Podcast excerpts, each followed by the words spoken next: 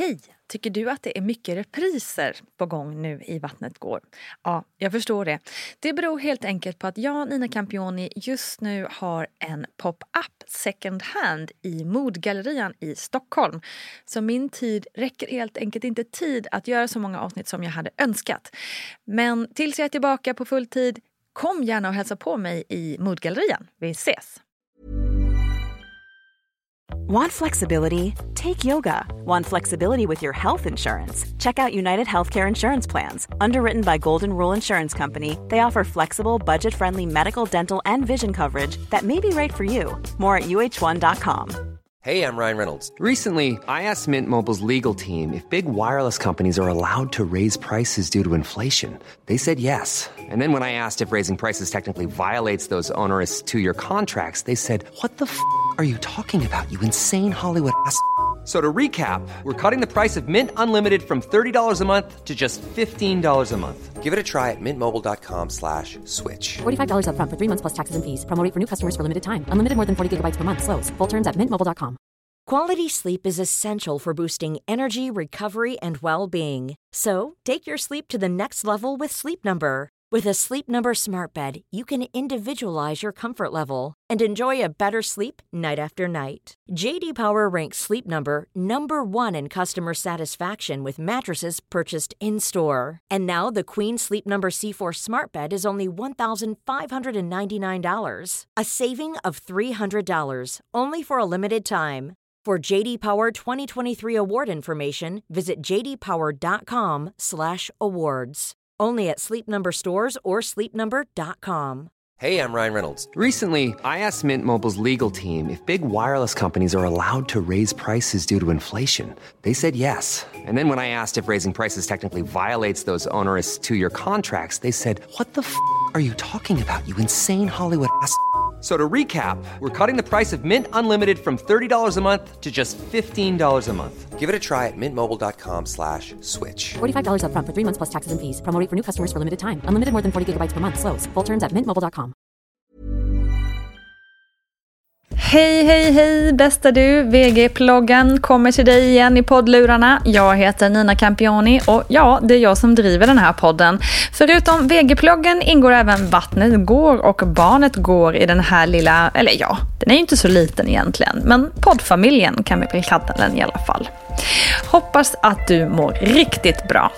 I ploggen brukar vi gå igenom allt möjligt som har med graviditet och förlossning att göra. Och efter att precis ha gått igenom förlossningens tre faser har vi nu kommit fram till den fjärde fasen, som faktiskt lätt blir lite bortglömd tyvärr. För den fjärde fasen av förlossningen är liksom perioden som följer efter födseln av barnet och ungefär sex veckor framåt i tiden. Och som förstagångsföderska så är det ofta lite svårt att ta in och tänka på att det ens kommer en tid efter förlossningen. Efter förlossningen känns som den där extremt stora och höga berget som man ska ta igenom och över på andra sidan. Men i själva verket så börjar ju livet och den stora utmaningen, om man ska vara ärlig, egentligen efter förlossningen. För det är ju då du plötsligt är någons förälder. Och vad innebär det egentligen? Ja, det här är en tid som kan vara otroligt utmanande, både fysiskt, psykiskt och själsligt. Och jag hävdar att vi är ganska dåliga på att ta hand om den nyblivna mamman i Sverige. Visst, absolut, man kollar av att allting är okej med bebis och kvinnans fysiologi. Men sen då? Hur mår hon? Hur mår du egentligen? Den fjärde fasen glöms också oftast bort att snacka om i gravidböcker och allt annat inför material man brukar ta del av. Men den är precis lika viktig som alla de andra faserna i förlossningen. Anledningen till att de första veckorna hemma med bebis kallas för just fjärde fasen och att den således är en del av förlossningen är att det är den tiden det tar för såret i livmodern där moderkakan har suttit och eventuella förlossningsbristningar att läka. Men inte bara det, det är också den tid man lite generellt kan räkna med att det tar för en nybliven förälder att hinna med mentalt. Vad var det som hände och varför gråter jag hela tiden och varför vill inte mitt barn äta som alla andra barn? Det är en känslomässig och hormonstyrd tid då många av oss verkligen inte mår så där härligt som vi kanske trodde att vi skulle när vi väl kommit hem med vår lilla bebis. Och det kan också vara en otrolig livskris att gå igenom. För en vecka sedan var jag fri och ansvarslös. Idag sitter jag här och tar hand om ett helt nytt liv. När ska jag någonsin få leva mitt liv igen? Vem är jag nu? Ja, det är många stora tankar som dyker upp tiden efter att man har fått en liten bebis. Och här tycker jag att samhället filar oss kvinnor. Vi lämnas liksom ensamma utan något större stöd. Förvisso är det mycket därför man skapat mammagrupper. Men hur lätt är det att öppna upp i en ny grupp egentligen? Och under pandemin som råder är man ju ensammare än någonsin. Det här är också en period då man faktiskt kan utveckla en förlossningsdepression. Och det är väldigt viktigt att man själv är uppmärksam på sitt mående och alltid, alltid, alltid är ärlig med hur man mår. Både på BVC och till sin partner. För det finns nämligen få tankeläsare där ute i världen och det krävs att vi själva hjälper till och berättar. Något som kan vara bra att veta om är att det finns något som heter baby blues. Och det är alltså inte en förlossningsdepression vi pratar om utan något som är otroligt vanligt de första dagarna direkt efter förlossning. Du kan liksom gå från att gråta ena sekunden till att skratta hejdlöst och känslorna de åker berg och dalbana och du tror typ att du kanske har blivit lite galen. Men det har du inte.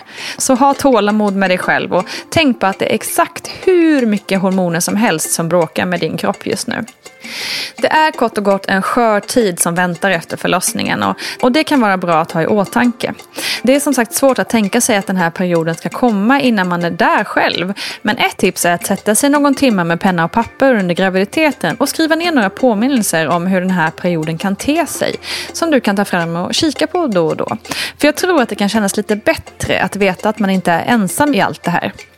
Personligen hade jag en rätt kämpig första tid med min dotter Essie. Jag hade tufft med anknytningen och framförallt tyckte jag att det var en stor livskris att jag inte längre var den där partytjejen som alltid hade kul saker på gång och alltid åkte på alla festivaler och liksom aldrig tackade nej till någonting.